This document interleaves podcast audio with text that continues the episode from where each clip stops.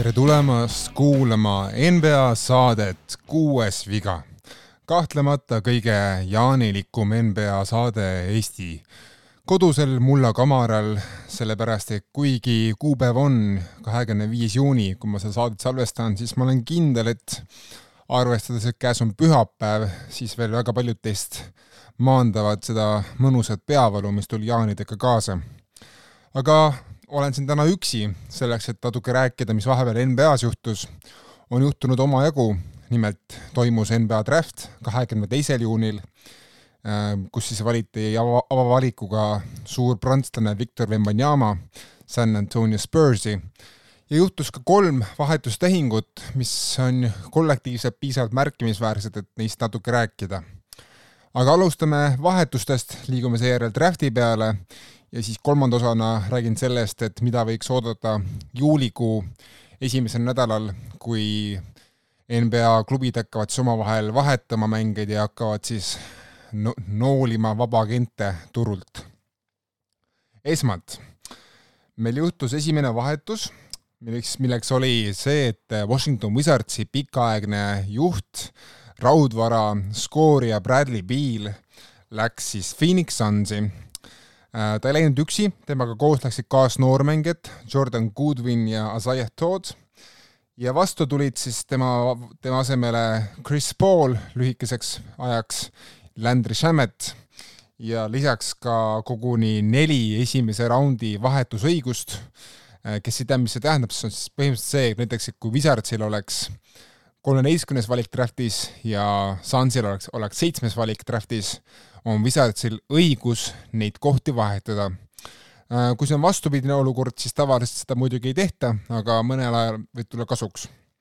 lisaks andis Suns veel ära koguni kuus teise raundi valikut äh, aastal kaks tuhat, kaks tuhat kakskümmend neli, kakskümmend viis, kakskümmend kuus, kakskümmend seitse, kakskümmend kaheksa ja aastal kaks tuhat kolmkümmend ka veel, nii et sisuliselt Phoenix Sunsil enam pole ühtegi drafti valikut peaaegu alles. no mõned on tegelikult, äh, NBA reeglid ei luba päris kõik ära vahetada, aga Phoenix Sunsil pole oma drafti üle mingisugust kontrolli kuni aastani kaks tuhat kolmkümmend. ja vaatame, kas see risk ennast õigustab ära ja näeme seda õige pea, ma arvan. mida siis, äh, mida siis äh, arvata sellest vahetusest? esmalt seda, et Phoenix Suns on julge. julge tiim, avanturistlik tiim, kes ei karda võtta suuri riske, sellepärast et see uus NBA kollektiivleping, mis võeti vastu natuke aega tagasi mängijate ja omanike poolt, seab päris karmid piirangud tiimidele, kes kulutavad väga palju raha mängijate palkamisele ja mängijate maksmisele. Ja nüüd, kui Piil on koos äh, Kevin Duranti, Devin Bookeri ja tsentri DeAndre Aytoniga Phoenixis neljakesi koos on neil väga suured lepingud, tähendab see seda, et Sunsi elu läheb väga, väga, väga, väga raskeks äh, siis tiimi tugevdamise mõttes, et äh, neil on, neil pannakse peaaegu kõik variandid kinni, et oma tiimi tugevdada just vahetustehingute tegemise mõttes ja lisaks äh, neil on ka väga raske palgata vabalt turult kedagi suurema lepinguga, kui see on miinimumleping. ehk siis äh, Sunsil läheb see tiimi ehitamine selle suure neliku ümber väga keeruliseks. aga mida nüüd Suns kuuldavast plaanib teha, on see, et äh, mis neil on õigus, neil on õigus maksta sada kakskümmend protsenti eelmise hooaja palgast siis tuleval hooajal kõikidele oma rollimängijatele, see on, see käib NBA-s kaasas, et sul on õigus maksta natuke rohkem järgmisel aastal. ja kui me vaatame, kes mängisid eelmisel aastal suurema palga kui miinimumlepingu eest, siis neid mehi tegelikult Sunsis on. no näiteks Torrey Craig, kes teenis natuke üle mi-, miinimumi ja seal on mõned mehed veel. ja kui Suns suudab need mehed tuua tagasi või noh, enamiku neist meestest su-, suudab tuua tagasi tuleval hooajal tiimi, siis on neil ikkagi mõned variandid olemas, et, et tiimi tugevdada just nii-öelda pingi peal. kas see õnnestub, eks me näe, äh, sellepärast et see, me saame se, se, selle osas taru, targemaks tegelikult juulikuu sees, kui me näeme, et mida siis laiem turg arvab Sunsi möödunud hooaja rollimängijatest, kas mõned tahavad neile pakkuda rohkem raha või vähem raha. Ja siis me saame anda ka hinnangu, mis, kuidas, kuidas siis hinnata seda Sunsi plaani. muidugi on veel üks variant. nimelt siis on variant see, et äh, teha DeAndre Ayton, tsenter, kes kindlasti ei ole valmistanud rõõmu Sunsile viimasel ajal.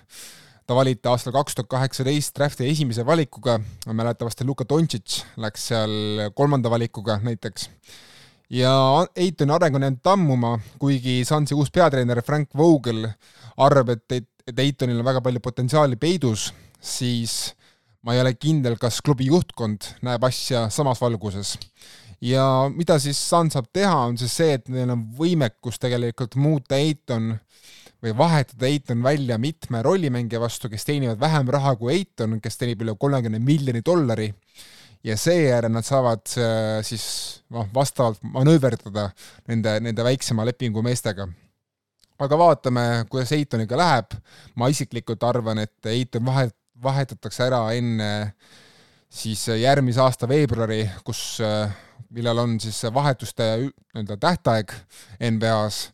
ja sellepärast, et ma lihtsalt arvan, et Eiton ei saa minna rõõmsamaks Phoenixis kui ta teab, et äh, nüüd tuli juurde veel üks mees, kes tahab väga palju palli endale, kes tahab skoorida, kes kindlasti meelsasti ei jaga palli Eitoniga, erinevalt mängujuhist Chris Paulist võib-olla ja ma arvan, et see Eiton, kes, kes on öelnud, et ta tahab suuremat rolli Phoenixis, ma arvan, et talle niisugune asi üldse ei istu. aga, aga näeme, mis sellest teemast saab, et isiklikult ma saan aru, miks Phoenix seda tegi. olgem ausad, see hind, mis maksti nüüd ei ole nüüd hirmus kõrge et äh, kolmekümne kaheksa aastane Chris Paul, kes oli jälle vigane play-off'is sellel aastal ja ta on peaaegu iga, iga teine aasta siin vigane olnud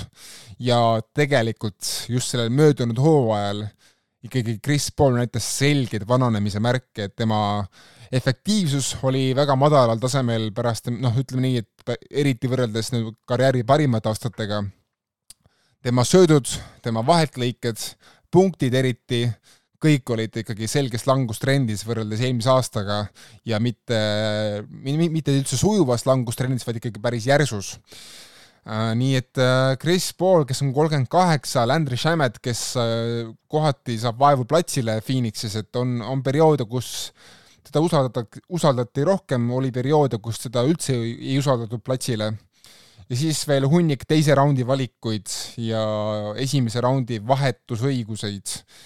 no selle eest sa ei saa paremat mängijat kui Bradley Beal, on minu väide.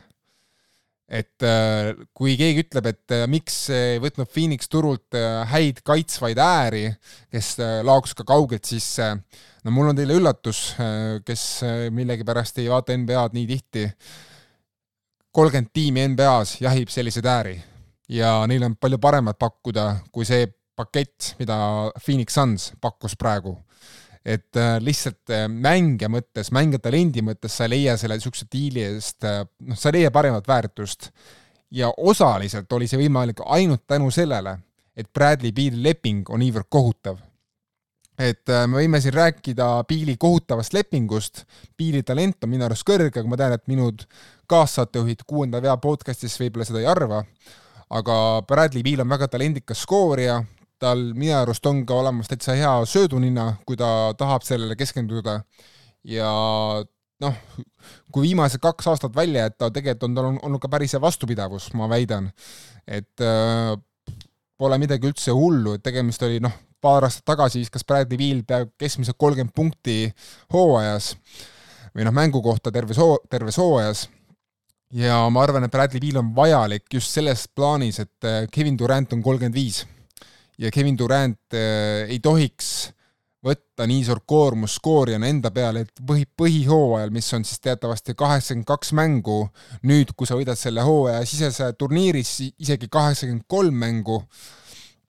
äh,, pane plat-, pane patta veel võimalikud play-in mängud, et lihtsalt on, oleks kriminaalne öelda Bookerile ja Durantile, et äh, palun nüüd jätkake samamoodi nagu enne ja noh, ma arvan, et ka tiim ise tundus, et Chris Paul on langustrendis, Landry Shamet ei ole noh, teab mis nüüd superkasulik rollimängija seal tiimis, et äh,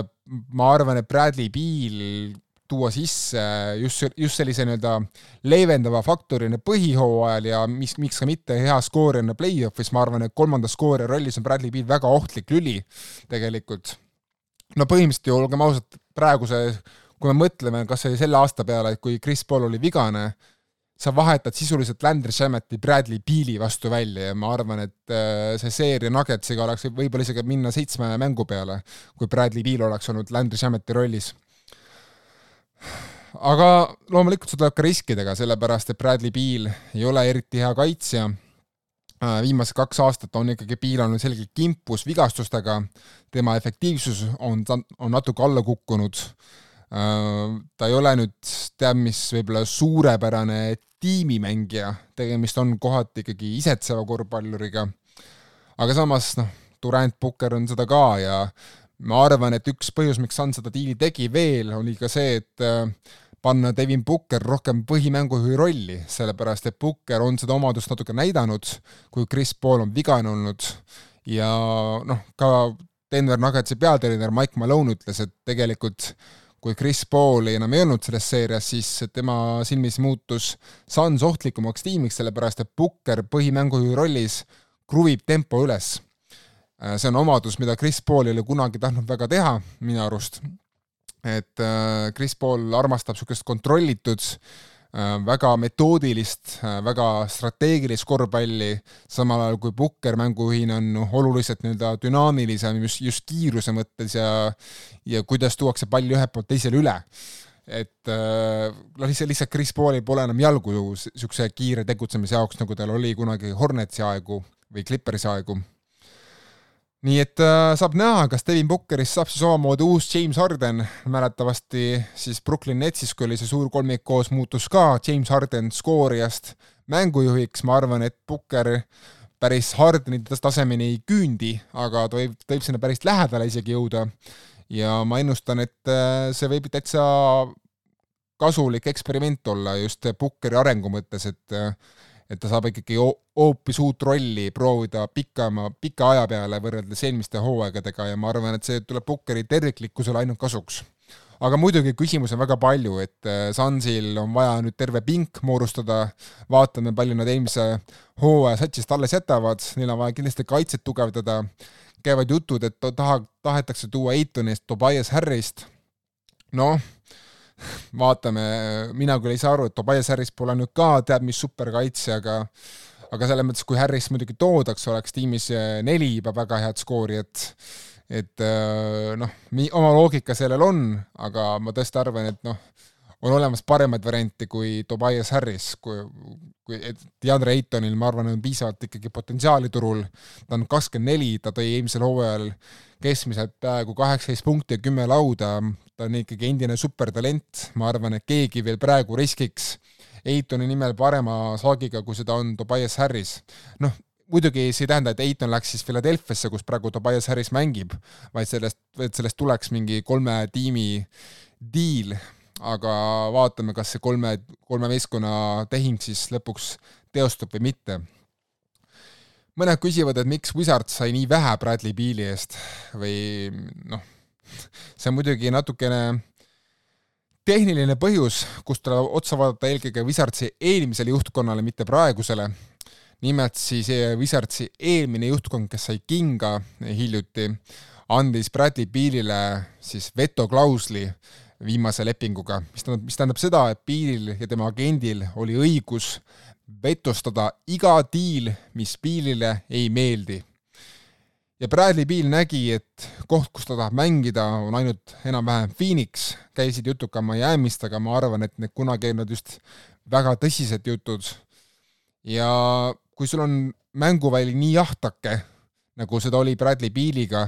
siis ma arvan, Wizardsil ei jäänudki midagi muud üle, et pigem kiitus Wizardsi uuele juhtkonnale, et alustati lõpuks ometi äh, rebuild'iga, seda ootasime, mina ootasin juba päris kaua aega sest selle vajalikkus sai selgeks enam-vähem kohe, kui John Wall sai viga aastal kaks tuhat seitseteist. oli näha, et Bradley Beal üksi seda tiimi ei tassi, oli näha, et Brad, et Washington Wizards ei ole eriti hea meeskond noorte arendustööga ja noorte valimisega draftist, ainukene hooaeg, kus oli veel natuke lõbu, oli see, kui Bradley Beal ja Russell Westbrook mängisid koos äh, aastal kaks tuhat kakskümmend kuni kakskümmend üks ja pärast seda Westbrooki hooaega tegelikult läksid asja, asjad ainult allamäge. ja Westbrooki ees küll saadi päris noh, tublisti kraami oma paar aastat tagasi, aga paraku see kraam, mis saadi, noh, kui Kyle Kuusma välja jätta, kes on nüüd ka vaba agent, siis äh, paraku see mille, millegiks eriliseks lõpuks ei, ei kujunenud. Äh, ja noh, muide, muideks, kes veel ei tea, siis äh, selle vetoklausli omal ajal on saanud ikkagi väga üksikud NBA superstaarid, et me räägime siin Kobe Bryantist, me räägime Lebron Jamesist, Tim Duncanist, see, et Bradley Beal seal nimekirjas oli, näitabki Wizardsi täielikku ebakompetentsust Äh, ja ma ütleksin, et ma loodan, et see Tom Shepard ja eelmised mänedžerid, kes seal Wizardsis ju tööl olid, enam nüüd mõnda aega juhtivas rollis kuskil ei ole, sest kui nad, kui nad on kuskil tule, tulevases elus, siis mul hakkab väga kahju sellest tiimist, kes nad palkab. aga muidugi ka omanik ei ole seal süüta, et see omanik on seal ka noh, peab vaatama kõvasti peeglisse, kui tal oleks mahti selle jaoks äh, Lähme edasi sellest vahetusest, ma arvan, et ega siin ei olegi pikalt rääkida, sest Chris Paul oli tõesti Wizardsis, Wizardsi liige ainult loetud päevad ja Landry Shamet, noh, tema leping saab kohe läbi tegelikult ka siin pärast järgmist hooaega. nii et äh, ma ei usu, et see Shamet äh, midagi muudab siin suures pildis. et pigem vaatame, kas need teise raundi valikud tulevad kunagi ja need esimese raundi vahetusõigused, kas neis kunagi kujuneb mingit väärtust või mitte, sellepärast et ei ole üldse garanteeritud, et Wizard siin on Sunsist parem tiim järgmised seitse, aastat, tegelikult mitte. Ja ja, ja, ja noh, kõige olulisem aspekt selle diili juures oli see, et lihtsalt äh, Washington Wizards sai lahti Bradley Beali megalepingust ja nüüd on neil väga palju vaba palgaruumi, mida kasutada. Õige pea Lähme teise vahetuse juurde. teine vahetus hõlmas kolme tiimi. Boston Celtics sai endale lätlase Kristaps Porzingise, eelmisel hooajal tegi oma võib, võib-olla vaata et NBA parima hooaja, kuuskümmend viis mängu, kakskümmend kolm punkti, kaheksa koma neli lauda, kaks koma seitse söötu, tabavusprotsendid peaaegu viiskümmend, nelikümmend, kaheksakümmend viis, väga efektiivne hooaeg lisaks saadi veel siis, Boston Celtics sai Kristaps Porzingisele ka Golden State Warriorsi järgmise aasta drafti vali-, valiku Memphis Grizzliese käest, kelle käest see oli, ja lisaks said nad veel endale tänavuse Grizzliese esimese raundi vahetuse, mis muutus siis lõpuks äh, drafti ajal koguni viieks teise raundi valikuks, nii et äh, Brad Stevens oli väga aktiivne drafti ajal ja kogu, kogus Bostonile päris hulgaliselt nii-öelda kraami, mida pärast vahetada. Memphis Grizzlies sai endale Markus Smarti, äh, pikaaegse Boston Celticsi liidri ja, ja ka NBA parimaks kaitsemängijaks valitud äh, mängujuhi. Ja siis äh, Washington Wizards sai endale Kristaps Porzingise eest. Tyus Jonesi, NBA võib-olla vaata et parima varumängujuhi, kes nüüd saab kindlasti proovida põhimängujuhi rolli Danilo Gallinari, Mike Muscala ja mõned teise raundi valikud. ohoo, kolm tiimi, kolm väga erinevat saaki. alustame kõige magusamast võib-olla, ehk siis Bostonist. no kindlasti need esimese raundi valikud olid äh, magusad, mis saadi, aga Borsingis on nüüd väga huvitav risk Bostoni poolt jah, paberi peal tegi ju Boston väga õige diili. Nad said diili parima mängija justkui ja nagu ütleb äh, alati Lakersi kunagine ju omanik doktor Jerry Buss, et äh, et diili võidab ikkagi see, kes saab parima mängija selles diilis. aga see tuli päris valusa hinnaga.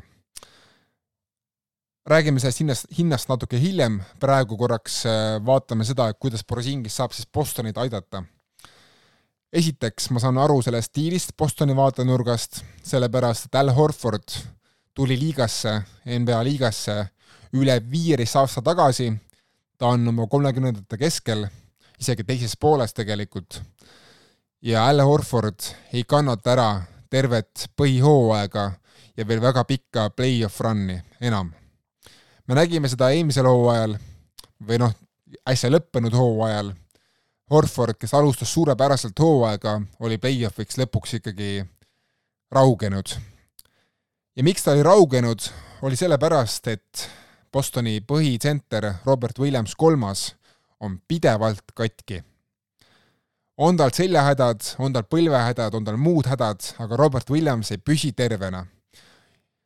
ja kui ta on terve muidugi, noh, need üksikud korrad, kus ta on, isegi siis ta näeb natukene, ma ei tea, natukene ikkagi mingi koht valutab tal ikkagi. et ma ei ole kindel, kas Williamsist üldse annab loota enam tulevikus ühtegi nagu stabiilset hooaega, kus ta, kus ta annab Bostonile üle seitsekümne mängu hea kaitsega ja hea söötmisega, nagu ta oskab. nii et kui sul on valikus kolmekümne, noh, ongi vana Horford, pidevalt katkine Williams Äh, sinu suuräär Grant Williams võib-olla lahkub siin kohe tiimist. Äh, muidugi Williams, Grant Williams siis kaotas äh, uue peatreeneri Joe Masulla usalduse siin hooaja vältel, nii et võib-olla see ei olegi väga suur kaotus. ja nende taga on veel Blake Griffin, kes annab tegelikult sulle leevendust ainult üksikuteks mängudeks oma praeguses karjäärifaasis. Nende ta taga on veel Luke Cornett, kes on niisugune hea varu-varu tsenter ikkagi ja Mike Muscala sa-, samamoodi hea varu-varutsenter, nüüdseks juba Washington Wizard ka, siis midagi pidi muutuma, sellepärast et see eesliin ei olnud jätkusuutlik ja ei olnud enam piisavalt hea, et mõelda NBA tiitli võitmise peale, väidan mina. ja Borsingis annab neile täitsa uue rolli uue relva, et ta kohati muidugi noh, mingis mõttes jah, kopeerib Al Horfordi oskusi, aga Porzingis on Horfordist palju parem äh, korvikaitsja kindlasti, tal on, ta on palju pikem, ta on palju heidutavam, kui seda on Horford. Porzingis on äh, parema viskekäega kui Horford minu arvates, ta on parem äh, korvialune skoorija kindlasti kui Horford ja seda kohe, kohe päris suure vahega tänaseks. ja Porzingis noh, ma ütleksin, et viimase kahe aastaga on arenenud ka päris heaks söötjaks, kuigi ta jääb Horfordile selles elemendis alla, aga ta noh, ta on ikkagi üks NBA kõige pikemaid mängumehi üldse praegu ja ta näeb platsi täitsa korralikult pika mehe, pika mehe kohta. et äh, ta annab, ta annab omal moel ikkagi dünaamilise relva, keda Bostonil enne ei olnud Robert Williams on ikkagi lühike mängumees ja Al Horford alustas oma karjääri kohati ikkagi suure äärena, kes oli sunnitud mängima tsentrit, et äh, ei Horford ega Williams ei ole nüüd väga pikad mehed. et Borzingis on ikkagi klassikaline noh, klassikaline ikkagi jõujuurikas pikk, kes äh, tõesti näeb ikkagi kolli mõõtu välja ka. ja Borzingis annab neile kah tegelikult ka garantii, et kui Horford enam ei jaksa mängida või ta vajab puhkust, siis loodetavasti on Brosingis terve, et anda Horfordile seda puhkust. et neil on vaja mingisugust katet, ülekatet, et äh, püsida hooaja lõpuni ohtlik tiim ka eesliinis, mitte ainult äärel ja tagaliinis. Aga see eesliini tugevdamine maksis neile Markus Smarti ja nüüd ma tahaksin natukene korra Markus Smarti aega hästi lühidalt kokku võtta, et äh, üks vahe Smarti ja Borsingise vahel on see, et Smart, Smart hoolis võitmisest iga kuradi õhtu. iga õhtu pani Smart endast peaaegu maksimumi välja, et kaitsta vastasmängijaid no nii hästi, kui on võimalik. ta oli dirigent kaitseliinis, ta nägi väga hästi läbi vastaste manöövreid ründes ja ta oli kohati ikkagi selle meeskonna hing. alati kui oli vaja emotsioone anda tiimile, oli, oli Markus Smart see mees, kes andis seda tiimile. Boston armastas teda, ta isegi värvis oma juuksed roheliseks ja ta, ta, ta oli tegelikult praegusel hetkel ikkagi ainukene Bostoni mees, kellel oli niisugune teatud nagu, Ameerikas on selle kohta ütlus, et et he has a dog in, in him. Eesti keeles, et ta on siis põhimõtteliselt Rottweiler. ja nüüd, kui Markus Martin pole Bostonis, pole praegu ka ühtegi Rottweilerit enam alles jäänud. et mõned küll võivad öelda, et Jalen Brownis või Derek White'is on see olemas, no tegelikult ei ole. Nii et äh, ja tavaliselt ikkagi igas NBA tiitlitiimis on vähemalt üks Rottweiler olemas, nii et saab näha, kas see, no muidugi juulikuuni on veel aega, võib-olla Boston veel toob selle Rottweileri tiimi hooaja vältel või siin juulikuu sees, aga praegu ma tajun, et Boston kaotas ikkagi väga olulise siin nii-öelda vaimse liidri enda meeskonna ridades. Ja Borzingis oma NBA karjääri vältel pole kordagi näidanud seda elementi ei olnud ta New Yorgis, ei olnud ta Tallases, ei olnud ta Washingtonis mingi liider tegelikult. et ma natuke muretsen, kas Borsingise toomine meeskonna just, ma ei tea, klapi ja sisekeime mõttes oli hea käik. sellepärast, et Borsingis NBA karjäär on minu jaoks olnud niisugune kerge pettumus, olge, ma nüüd ütlen ausalt, et jah, ta on küll oma drafti valikut õigustanud, ta valiti ikkagi väga kõrgelt ära draftis Äh, tänaseks juba kaheksa aastat tagasi. ta ilmselgelt on mehel potentsiaali, ta on tõenäoliselt Läti aegade parim korvpallur. ja ta ikka jääbki, ta ka jääb selleks pikaks ajaks. aga alati ma tunnen Borsingisega, et tal on nagu mingisugune element jäänud nagu avastamata ja see on tõenäoliselt tänu vigastustele, mida on Borsingisel tulnud karjääri vältel väga palju kordi, sest äh, mäletad, mäletate, ma rääkisin siin ennist, et Borsingis sai eelmisel hooajal kirja kuuskümmend viis mängu. noh, pakkuge, mitu korda karjääri vältel on Borsingis saanud NBA platsil põhihooajal olla vähemalt kuuskümmend viis korda eh, siis mängusärgis, mitte, mitte ülikonnas. ma ütlen vastuse, kaks korda. esimesed kaks hooaega New Yorgis. pärast seda on Borsingise karjäär olnud korralikud Ameerika mäed tegelikult ja, ja ma natukene muretsen, palju on Borsingisel aastaid jäänud NBA-s, et kindlasti kui ta nagu suuri vigastusi väljub, siis neli-viis, neli-viis aastat veel, aga noh, vaatame, kuidas, kuidas läheb. Memphis Grizzlies sai endale juurde väga hea kaitsja ja väga hea liidri, kes kindlasti, eriti just järgmise hooaja alguspoolel katab edukalt ära Ja Moranti puudumise, kes pärast Moranti tagasitulekut detsembri keskpaigas ma arvan, et võtab üle Dylan Brooksi rolli tiimis, ehk siis Morantist saab niisugune, niisugune tiimi põhiline, põhiline niisugune ikkagi tülinorija ja samas ka tiimi kok-, kokkukutsuja, kui asjad lähevad kehvasti, mida Brooks kunagi ei osanud teha tegelikult. ja muidugi, miks on Markus Marti ja Ja Moranti koosluse üks väike ohukoht, on siis see, et kumbki ei ole eriti hea viskaja. et see paneb ikkagi tohutu koormuse Desmond Payne'ile ja Jaren Jackson Jr.'ile ja ka teistele rollimängijatele. ja ma isegi kardan, et tegelikult see Moranti Smarti kooslus võib tähendada ka seda, et Steven Adams, kes on praegu mehi, olnud ikkagi pikka aega juba Memphise põhitsenter, et võib-olla Adams peab minema pingile sellepärast et äh, ma lihtsalt kardan, et seda viskamist jõudu on natuke liiga vähe Memphisel muidu, kui on platsil korraga Morant, Adams ja Smart. sest lihtsalt Smart ei ole kunagi oma karjääri vältel olnud hea viskaja, ta on ikkagi selgelt niisugune Russell Westbrook, Russell Westbrookiliku viskekäega mees. Mis tähendab seda, et noh, tema tellistes saab kokku laduda kui mitte Hiina müüri, siis vähemalt, vähemalt niisugune paksu Margareeta torni ja aga ma pean ütlema, et lõpuks ometi tegi Kristis niisuguse minu jaoks sümpaatse vahetuse, ehk siis nii-öelda tõid lõpuks tiimi veterani, mitte jälle noori mängijaid juurde. muidu Memphisel on kombeks ikkagi, et alati tuua noori mehi juurde, mitte neid veterane juurde. ma arvan, et Markus Smart on neile väga vajalik äh, täiendus tegelikult. Washington Wizards sai siis Borsingise eest, nagu räägitud, siis Tyus Jonesi, Gallinari, Muscala ja Pikid ja miks jälle nii vähe, see on sellepärast, et äh, Wizards tegelikult äh, noh, ütleme nii, Borsingisel oli valik siis lõpetada leping ära äh, Wizardsiga sellel juunikuu sees ja muutuda vabaagendiks, kindlasti oleks mitu tiimi teda jahtinud ka, aga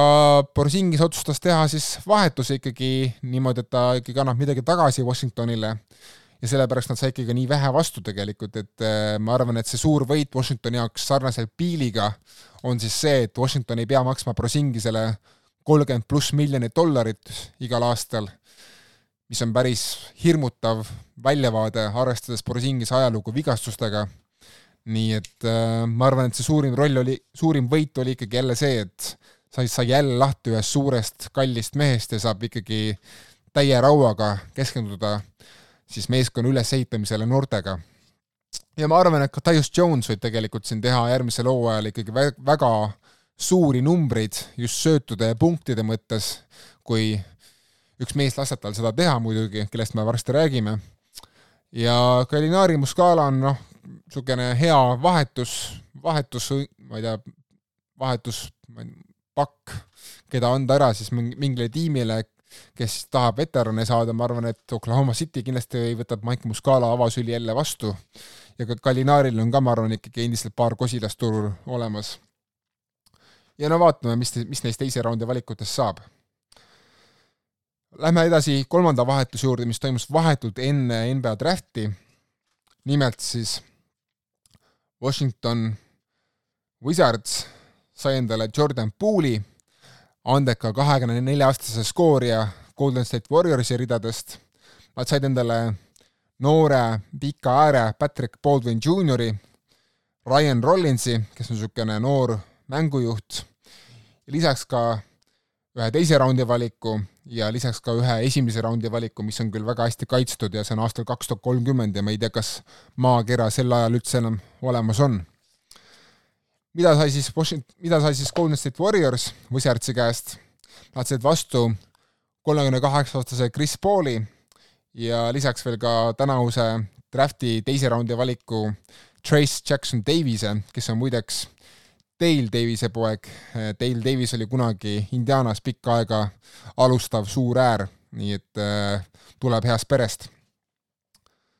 ja see vahetus oli ikkagi päris suur šokk et ta oli šokk just selles mõttes, et mis mehed vahetasid kohad.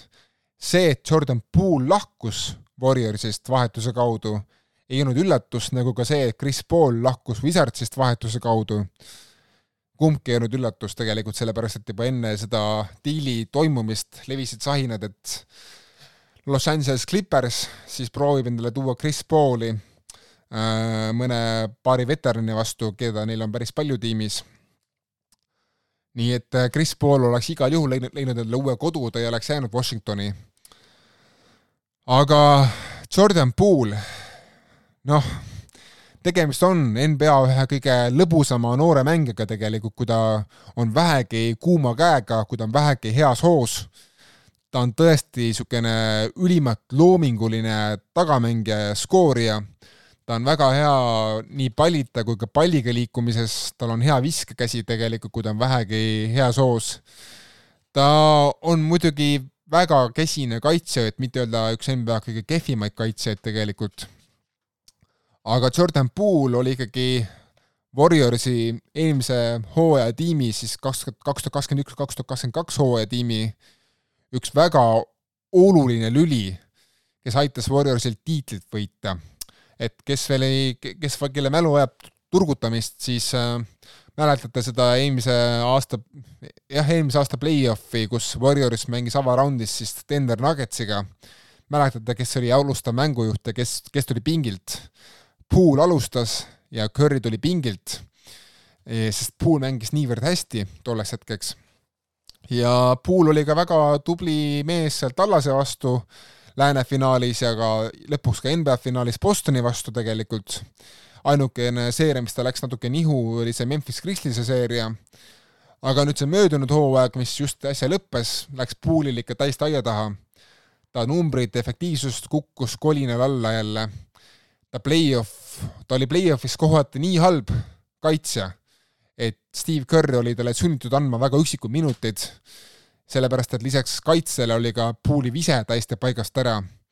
ainukene periood, kus Pool mängis hästi, oli siis, kui Steph Curry oli vigastusega väljas, mis ütleb ka ikkagi üht-teist. ja kui Curry oli platsil sees, siis Pool ei näinud väga hea välja pinki juhtides.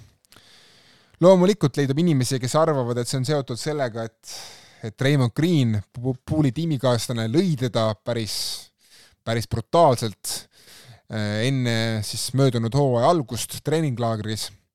ja oma tõepõhi sellel kindlasti on, sellepärast et kohe, kui see vahetus toimus, et Pool läks Washingtoni, siis esimene asi, mis Pool tegi võib-olla, oli see, et ta enam lõpetas siis Raymond Greeni jälgimise sotsiaalmeedias. et äh, mõned sotsiaalmeedia gurud juba nuhkisid selle välja. aga isegi seda arvesse võttes, siis mul on kuidagi raske uskuda, et mul on kuidagi raske panna kogu seda Pooli eelmise hooaja kehva mängupilti ainult selle Raymondi intsidendi süüks. ma arvan, et Pool ise on ka ikkagi piisavalt auahne mängija nii heas kui ka halvas mõttes, et ta lihtsalt tahtis suuremat rolli ja vastutust kui see, mida Steve Kerr talle andis Warriorsis ja miks Steve Kerr teda surus kuuenda mehe rolli, oli, oli ikkagi see, et Steph Curry on Warriorsis ja tema on see põhiline Warriorsi nii-öelda süsteem. Et Poole tahab, ma arvan, ise olla tegelikult see number üks mängija ja nüüd Washingtonis ta seda, selle võimaluse kindlasti saab. aga Warriorsis ei oleks seda kunagi juhtunud enne seda, kui Curry ei ole, ma ei tea, kolmkümmend üheksa või nelikümmend, et et Poole oleks pidanud oma võimalust ootama veel järgmised kolm-neli aastat ja ma ei tea, kas Poolil on seda kannatlikkust oodata kolm või neli aastat järjest. Mis seal salata, ma arvan, et Poolile käis ka pinda see, et Steve Kerr on, on ikkagi väga veteranilembeline peatreener, ta on noortega väga karm, et äh, kohe, kui noor teeb ikkagi kaks suurt viga järjest kaitses, siis, siis Steve Kerr ikkagi annab sellele noorele suure peapesu time-out'i ajal. Ja Steve Kerr ikkagi korduvalt tõi esile play-off'ide ajal, et ta ei ole rahul mõne mehe kaitsepingutusega, mis oli ikkagi selge viide Jordan Poole'ile. Ja isegi Steph Curry, kes teeb väga harva kõnesid, oli sunnitud andma oma tiimile kõne äh, play-off seeria ajal Sacramento Kingsiga, kus ta ütles, et andke pall mulle, et ma toon teid koju, ma toon, ma toon meid järgmisesse ringi. Aga praegu ei ole õige aeg siin mossitada ja nukrutseda, et ma ei saa piisavalt minuteid või minu roll ei ole see, mis ma arvan, et ta peaks olema. ja see oli selge tegelikult viide nii ka, nii Jordan Poole'ile kui ka Jonathan Kumingale, kaks noort mängumeest, kes tundsid, et Steve Kerr ei usalda neid piisavalt, noh, ma ütleksin, et põhjusega ei usalda piisavalt. aga läinud ta on, kahekümne nelja aastane on talendikas mängumees, keda Warriors arendas päris pikka aega Äh, kes siis ikkagi tegi Warriorsi ridades ikkagi kuni nüüd möödunud hooajani ikkagi väga suuri arengusamme igal aastal. see oleks, see oleks, see oleks nüüd praegu olnud tema viies aasta Warriorsis ja nüüd oleks ta leping äh, paisunud kuue miljoni pealt kolmekümne mil-, kolmekümne miljoni peale. ja tema leping on ka üks põhjus, miks ta tegelikult lahkus sealt, mitte tema, mitte ainult tema kehv mängupilt, vaid äh, see uus kollektiivleping, millest ma ennist rääkisin see lööb eriti valusalt just Warriorsi ja Los Angeles Clippersit, kes on praegusel hetkel NBA suurimad kulutajad. Ja ma olen ki-, noh, nüüd ka Phoenix Sunsi kindlasti, ja ma olen kindel, et Warriors ei taha nii palju maksta dollareid Jordan Poole'ile, kui tal on ainult üks hooaeg, kus ta on näidanud, et on staari vääriline mängija, kes väärib nii palju do dollareid et natuke liiga riskantne olukord. Ja Chris Paul, kes küll jah, tuleval hooajal teenib, teenib umbes sama palju kui Jordan Poole, aga pärast seda on Chris Pauli leping sisul-, sisuliselt nii-öelda garanteerimata, ehk siis äh, Warriorsil on väga lihtne Pauli oma tiimist ära heita või siis vahetada mingi, mingite juppide vastu, et tegelikult äh, Warriors pääses praegu odavalt Jordan Poole'i lepingust ja nad said vastu väga lühikese lepingu, mida on, mida on palju lihtsam kas ära vahetada või siis lihtsalt nende lasta lõpuni joosta, ehk siis selle läbi saab Warriors oma gigantset luksusmaksu trahvi vähendada, noh, ma ütlen, et kolossaalselt, sellepärast et eh, nad olid niisuguses tsoonis, kus iga Jordan Poole'ile makstud dollar läks Warriorsile maksma seitse dollarit tegelikult, ehk siis kolmkümmend miljonit tegelikult tähendas Warriorsile kahesaja kümne miljonit lepingulist, noh, ühesõnaga väga, väga suurt trahvi. nii et mida nad maksavad siis NBA-le, mida NBA omakorda maksab välja kõikidele NBA tiimidele hooaja lõpus. nii et ma arvan, et ka Warriorsi omanik Joe Lacob tunneb natukene mõnu sellest, et enam ei pea nii palju maksma seda luksusmaksutrahvi ja Chris Pauliga saab Warriors endale pärast Sean Livingstoni vaata et äh, parima varumängujuhi üldse või ma arvan, et tegelikult on noh, Chris Paul on muidugi andekam mängija, mängujuht, kui seda on Sean Livingston, aga lihtsalt Sean Livingston võib-olla sobis paremini Warriorsiga. et Chris Paul on ikkagi noh, ta on ikkagi iseloom, ta on ikkagi ise, iseloomuga mängija, iseloomuga mees, kes, kelle helistatud mängustiil on ikkagi kohati täitsa vastupidine sellele, kuidas Warriors mängib tiimina. ja väga huvitav saab olema näha, kuidas siis Chris Paul sulandub Warriorsi sisse ja millised on need viisikud, mida Steve Kerr kasutab koos Chris Pauliga. sellepärast, et Chris Paul on ikkagi lühike mängumees ja ma tunnen, et kui ta oleks, mängiks koos Steph Curry'ga väga suuri minuteid koos, siis oleks vastastel väga lihtne rünnata Warriorsi oma ründega. et ikkagi see Warriors muutuks natuke liiga lühikeseks tiimiks, aga varumängujuhina anda, anda Steph Curry'le kaheksateist kuni kakskümmend minutit puhkust iga mäng või noh, ütleme nii, et kuuskümmend viis mängu siis põhihooajal. ma arvan, et selles rollis on Chris Paulil selge väärtus olemas tänases NBA-s ja ma loodan väga, et kuidagi paneb Steve Kerr selle masina ikkagi toimima Pauli ja Curry ja Draymondi vahel, no vaatame, kas, mis Draymondist üldse, üldse saab lõpuks, kuigi ma arvan, et Draymond tuleb kindlasti tagasi, ta on praegu vaba agent, aga kui tema löögiohver Jordan Poole ikkagi saadeti ära, siis ma arvan, et see on, see on suht selge signaal Raymondile, et me tahame sind rohkem kui Jordan Poole'i. ja aga ik-, no ütleme nii, et natukene võib-olla skeptik selle Poole'i sulandumise asjus Warriorsi, sellepärast et tõesti, Warriors mängib palju kiiremat korvpalli kui see, millega Paul on harjunud. aga võib-olla, nagu Treimond ütles ka hooaja lõpus, et, et üks, üks selle hooaja mure oligi siis see, et et äh, Jordan Poole harrastas sama korvpalli, mida Warriors harrastab Steph Curry juhtimisel, ehk siis see on niisugune kiire, dünaamiline ja Treimond arvas, et niisugune see, et Pink mängib suhteliselt samamoodi nagu algviisik, tegelikult on äh, hea vastaste jaoks, sest vastased teavad, millega arvestada ja mille, mida oodata pingilt pealt, et äh, kui Pink mängib ikkagi hoopis teistmoodi kui algviisik, mida Chris Pauli juhitud satsid ikkagi, ma arvan, peaks tegema, siis siis ma arvan, vastast, vastastel on ikkagi oluliselt keerulisem äh, planeerida mängukäike siis Warriorsi vastu, sellepärast et Chris Paul on ikkagi,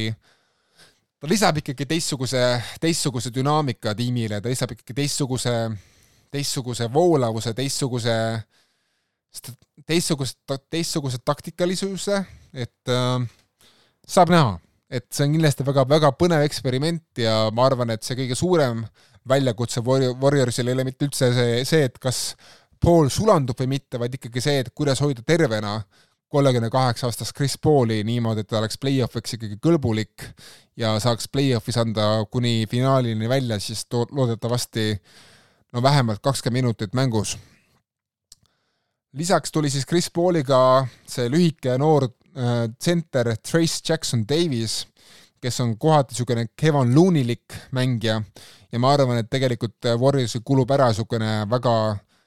väga ahne lauamängija, kes tahab lauapalli väga palju saada, sest ega neil luuni taga seda sügavust eriti ei olnud, et äh, Jamaica Green oli ikkagi väga kauge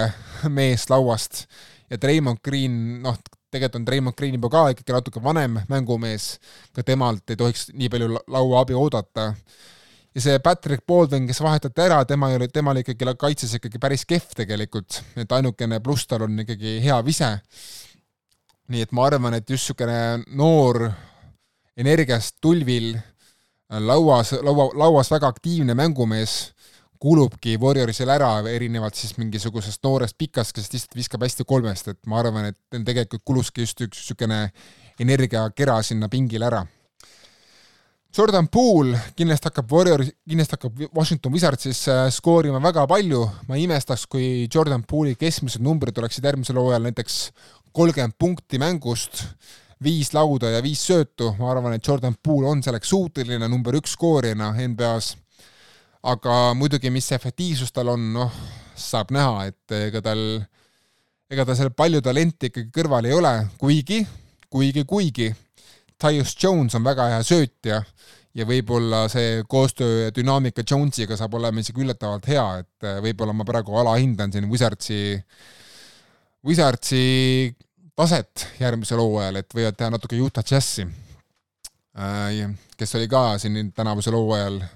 siin al-, alustas ikkagi heade veteranidega ja pärast alles hooaja lõpupoole muutus natuke kehvemaks tiimiks.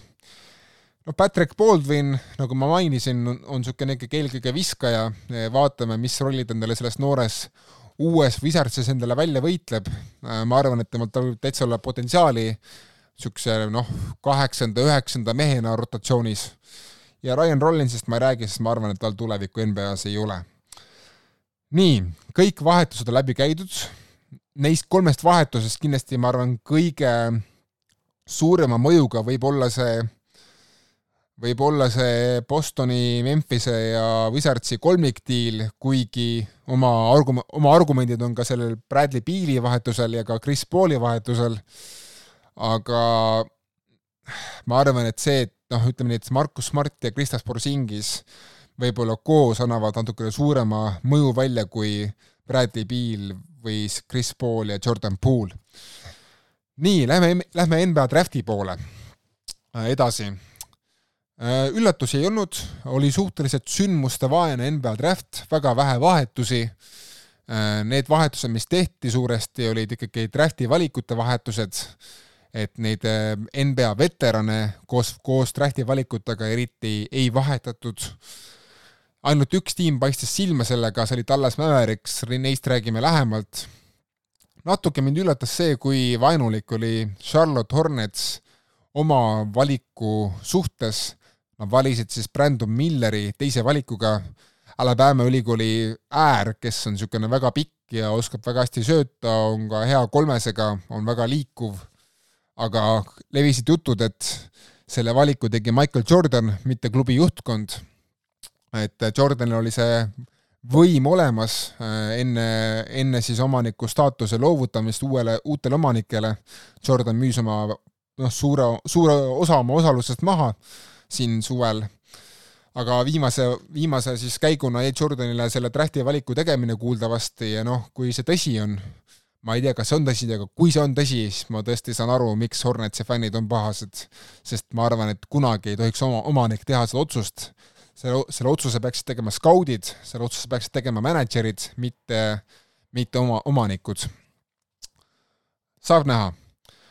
võib-olla huvitav on see, et Portland Trail Blazers valis kolmandana lühikese, väga atleetliku, plahvatusliku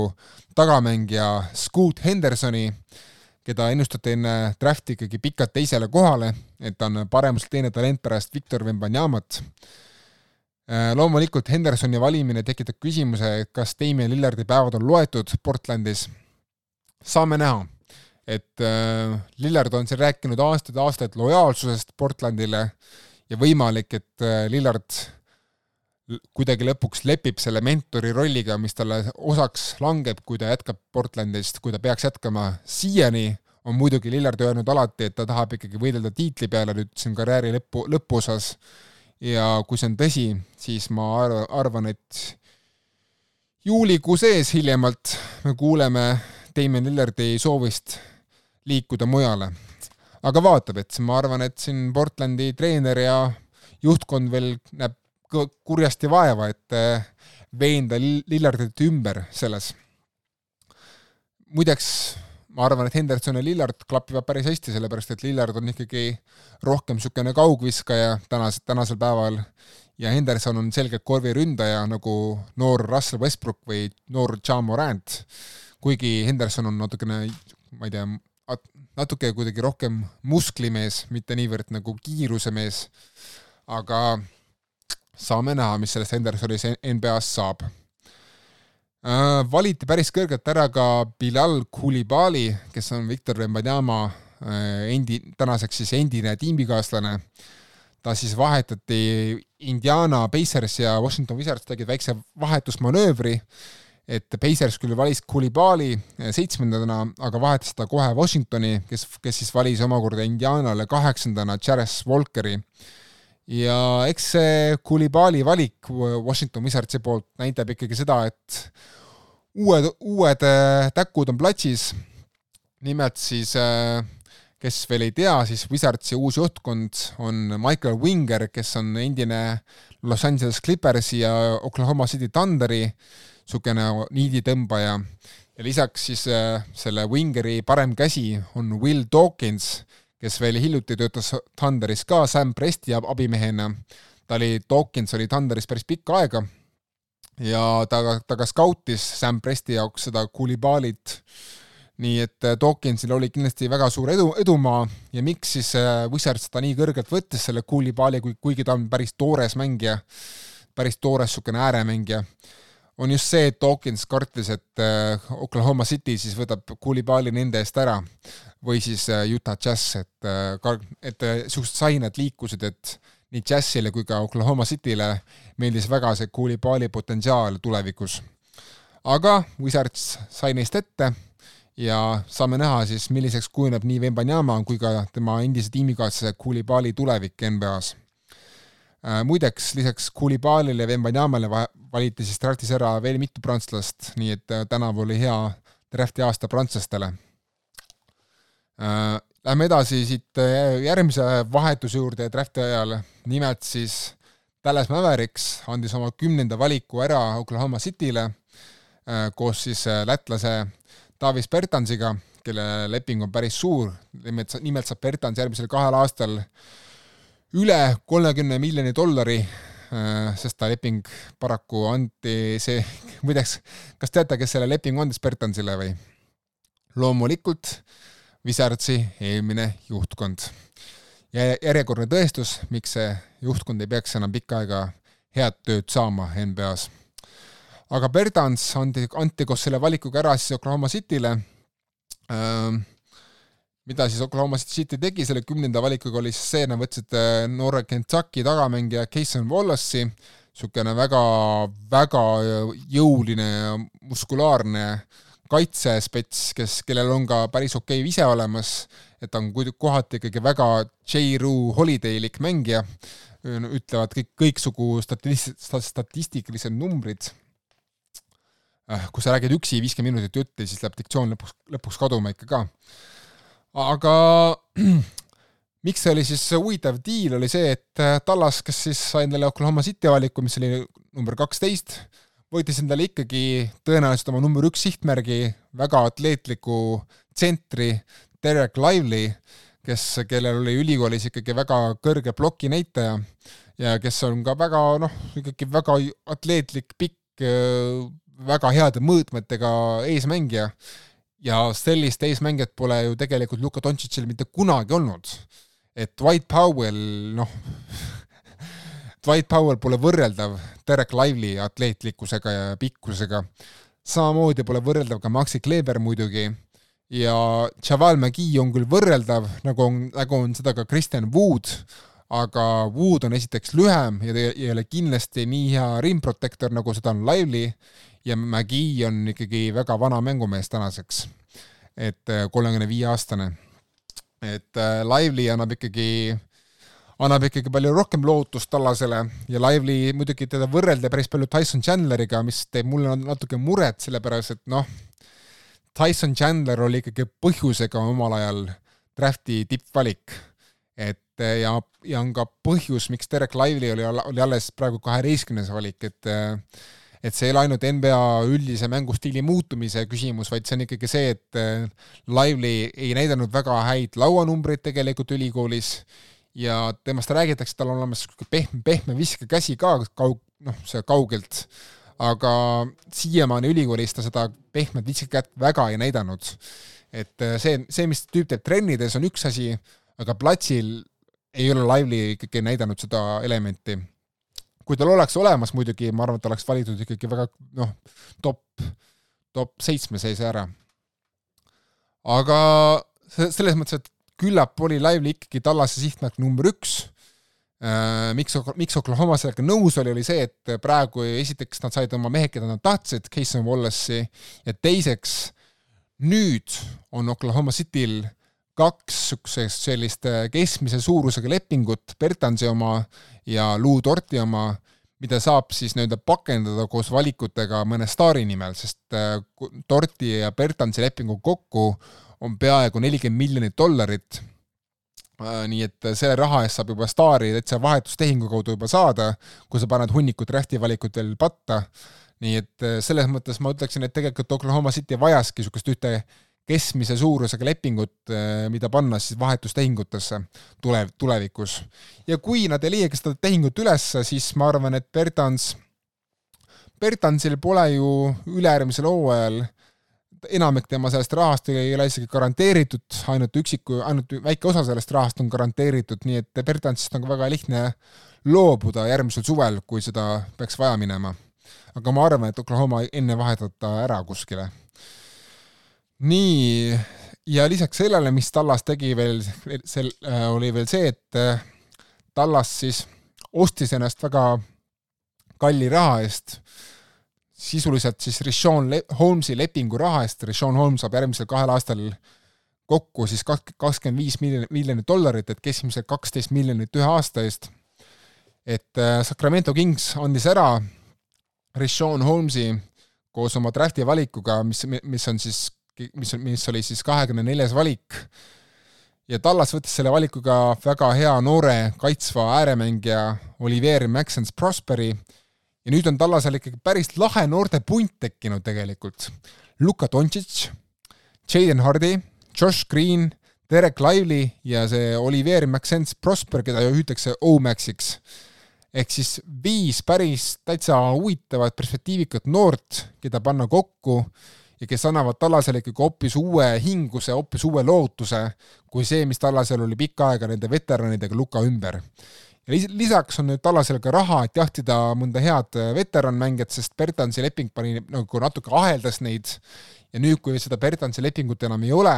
siis nüüd, nüüd on neil ikkagi täitsa korralik mänguruum, et nad saavad tuua näiteks Bruce Browni Denver Nuggetsist endale tiimi, kui nad tahavad, kui Brown on nõus võtma selle pakkumise vastu.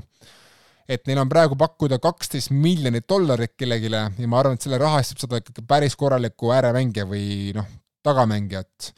Ja noh, kindlasti nad saavad tuua tagasi Kyrie Irvingu, et Irvingu kõrval on ju ka ikkagi paremad kaitsjad, et Lively ja Maxence Prosper on kindlasti paremad kaitsjad, kaitsvad talendid, kui seda olid Kristen Wood ja Reggie Bullock näiteks. ja Davis Bertans muidugi on väga kohutav kaitsja NBA-s, üks, kui mitte NBA kõige kehvem kaitsja või võib-olla isegi. nii, ja mida, miks siis Sacramento selle diili tegi, on siis see, et äh, Sacramento Kingsil on nüüd ka võimalik tekitada niisugune kolmekümne kahe miljoniline auk enda eelarves mida saab, mida saab siis täita, kas siis mitme mängijaga või siis näiteks sellega, et äh, annad Domantas Sabonisele uue kalli lepingu, sest ma arvan, et Sabonise viimane hooaeg näitab küll, et Sabonis väärib palgatõusu, praegu teenib Sabonis ikkagi väga vähe võrreldes sellega, mis ta, mis ta tegelikult väärib. et ta teenib praegu umbes kakskümmend miljonit dollarit, aga ma arvan, et Sabonis pärast seda viimast hooaega on väärt isegi kolmkümmend pluss miljonit. ja lisaks saab siis ka lisaks saab Sabonise uuele lepingule saab siis tuua mõned veteranid veel kampa, et räägitakse siin päris palju Raymond Greenist, ma seda ei usu, et see täitub, sest ma arvan, et Raymond tuleb tagasi Warriorsi, aga näiteks miks mitte noh, ongi seesama Bruce Brown, miks mitte Kyle Kuzma, miks mitte Jeremy Grant, kes on vaba agent, Chris Middleton võib-olla, et saab ju päris mitut meest jahtida selle vaba palgaruumiga, kuigi ma, ma arvan, et see päris kõik ikkagi ma arvan, et suur osa sellest rahast ikkagi läheb Sabonise uue lepingu ja võib-olla ka Terence Davis'e uue lepingu jaoks. nii et saab näha. muidugi Treimond Sabonis oleks väga-väga lahe paar eesliinis, ma seda üldse ei kahtlegi. Ja rohkem olulisi vahetusi tegelikult ei olnudki draft'i ajal, et oligi see Kingsi manööver ja Tallase manöövrid olid kõige põnevamad, võib-olla ka see Wizardsi väike manööver Indianaga Äh, kes võitis drafti, no noh, loomulikult võit, võitis Spurs, kes sai kõige parema talendi endale. saab näha siis, kuhu see Vembanyama Spursi viib oma esimesel debüüthooajal. Äh, võitis kindlasti, ma arvan, et tegi targa valiku Portland, kes ei vahetanud Scoot Hendersoni ära mingi, mingisuguse veterani vastu, et käisid jutud, et ja nad üritavad ikkagi Pascal Siakami saada, aga Siakam ütles, et tema tahab Torontosse jääda. Äh, käisid jutud, et et Portland üritab äh, võib-olla saada Paul George'i kätte Los Angeles Clippersi käest, no ma ütlen, et äh, see Scoot Henderson on parem valik kui kolmekümne kolme aastane Paul George, kes on ka pidevalt katki. Äh, ja ega siin väga palju häid variante turul tegelikult ei olnudki Portlandi jaoks, et keda, keda siis selle kolmanda valikuga püüda, mingit veterani, keda, keda panna siis Lillardi kõrvale, et äh, ma arvan, et Henderson on väga hea valik ja Henderson koos, koos selle Kanada noormehe Shadon Sharpiga annab päris palju lootust Blazersi fännidele just tuleviku mõttes. ja mis siis veel, äh, räägime siis ka lühidalt sellest, et mida ma ootan siis juulikuu sees ma ootan seda, et ikkagi noh, mingi romantik minus ütleb, et ma loodan seda, et Lillard jääb Portlandi, aga see küünik minus ütleb, et Lillard lõpuks siis üle pikkade aastate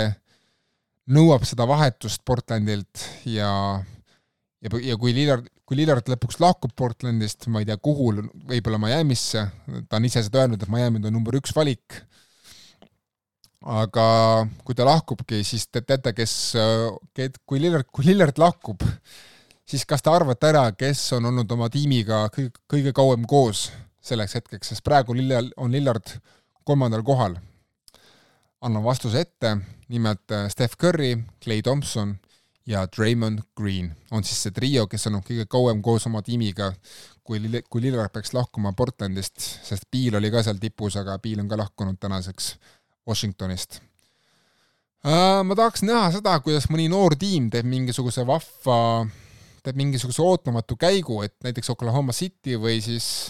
Orlando Magic või äkki hoopis isegi Charlotte Hornets äh, toob endale tiimi mõne laheda veterani juurde, et äh, tegelikult ju noh, talenti on tiimis, et teha niisugune manööver ma tahaks näha, kuidas äh, Warriors toob oma tiimi siis sinna lõppu veel mingisuguseid veterane asemele. praegu nad asendasid, sisuliselt asendasid Jordan Poole'i, Patrick Baldwini ja Ryan Rollinsi siis, äh, siis Chris Pauli,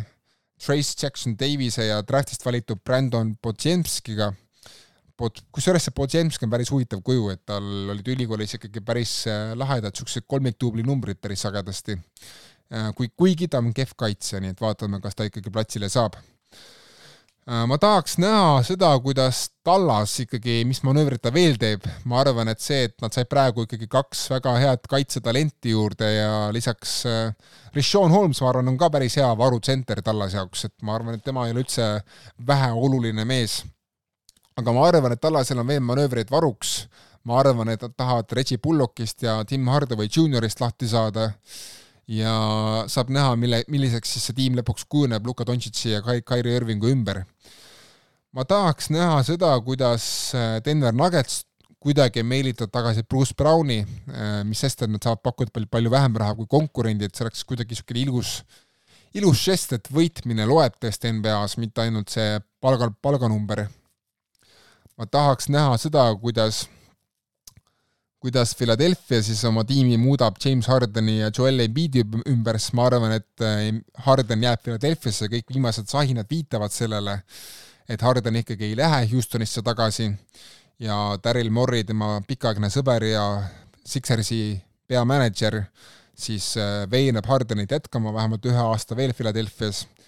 et ma olen suhteliselt kindel, et Tobias Harris vahetatakse välja, aga ku-, kuidas ja kelle vastu, mul pole õrna aimugi. ma arvan, et Middleton jääb Milwaukee Bucksi, äh, kes on praegu vaba agent, ma arvan, et Raymond jääb Warriorisse, nagu ma olen juba kolm korda öelnud vist. Äh, võib-olla kõige, kõige huvitavam see, et kuhu läheb Fred Van Vliet, äh, Toronto Raptorsi pikk, pikaaegne põhimängujuht, sest ma arvan, et tema ei tule tagasi Torontosse, kuigi on olemas šanss, et ta, seda teeb, et selles mõttes, et see ei ole üldse välistatud, et, et Van Vliet ei jätka Torontos. aga mingisugune sisemine vaist ütleb, et Toronto jääb ilma Van Vlietist, sellepärast ma arvan, et Houston Rockets paneb, paneb ikkagi Van Vlieti lauale ikkagi väga suure pakkumise, mida, mida Toronto ei julge teha. ehk siis ma millegipärast arvan, et Van Vliet hakkab juhtima seda äh, väga noort atleetlikku, väga jõulist, plahvatuslikku noortesatsi, kes äh, Houstonis kogunenud on. et kes veel ei tea, siis Houston sai endale draftist äh, võib-olla kogu NBA parima uue atleedi Eamon Thompsoni, kes on niisugune noh, ilma visketa mängujuht, aga tõesti väga hea kaitsja, väga hea atleet ja lisaks nad said nad ka veel teise väga atleedi, keda ennustati drafti eel top kümne sisse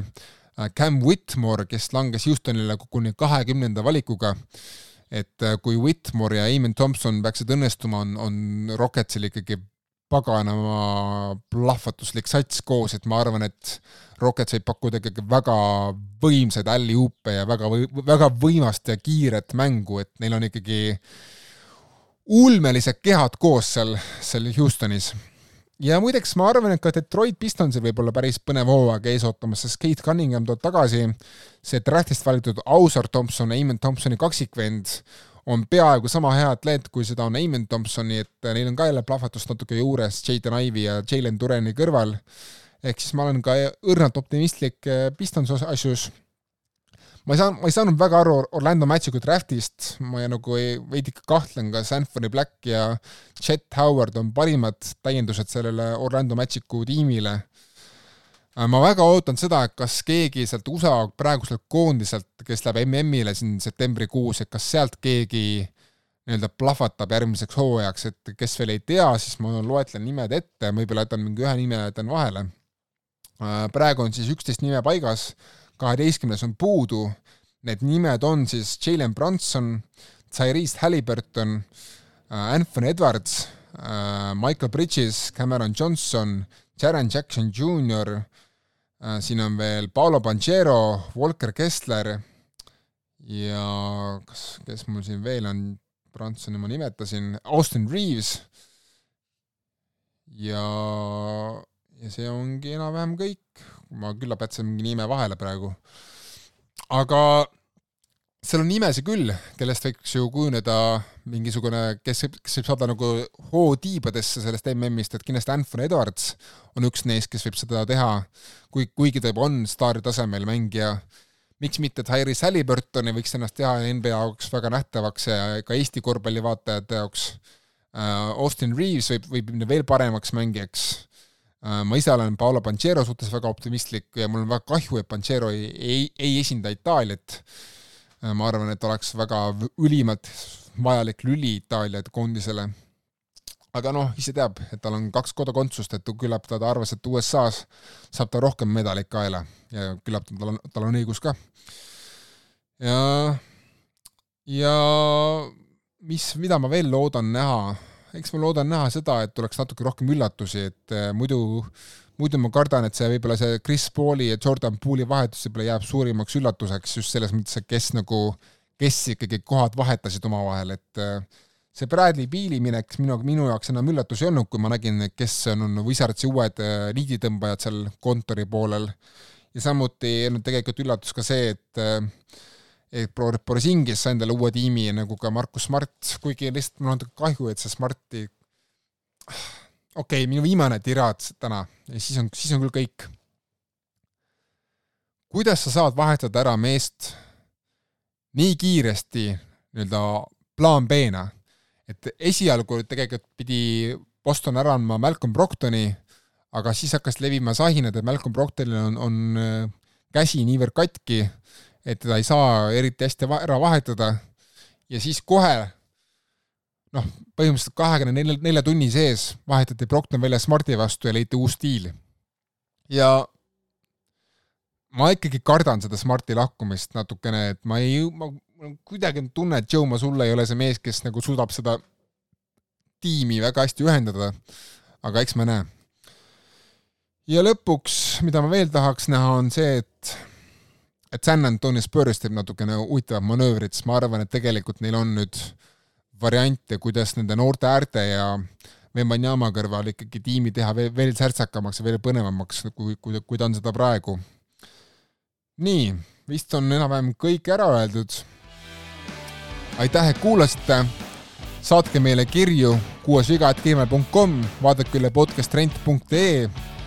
et Hardol oleks ka leiba laual. ja loeme kõik, loeme kõik kirjad ette hooaja viimases saates, mis, mis tuleb teie ette küllap juulikuu sees, juulikuu esimesel nädalal lo loodetavasti. ja sest siis ma arvan, on ka selge, et mis ikkagi, mis vahetustehingud ja mis stiilid on veel läbi läinud vahepeal. ja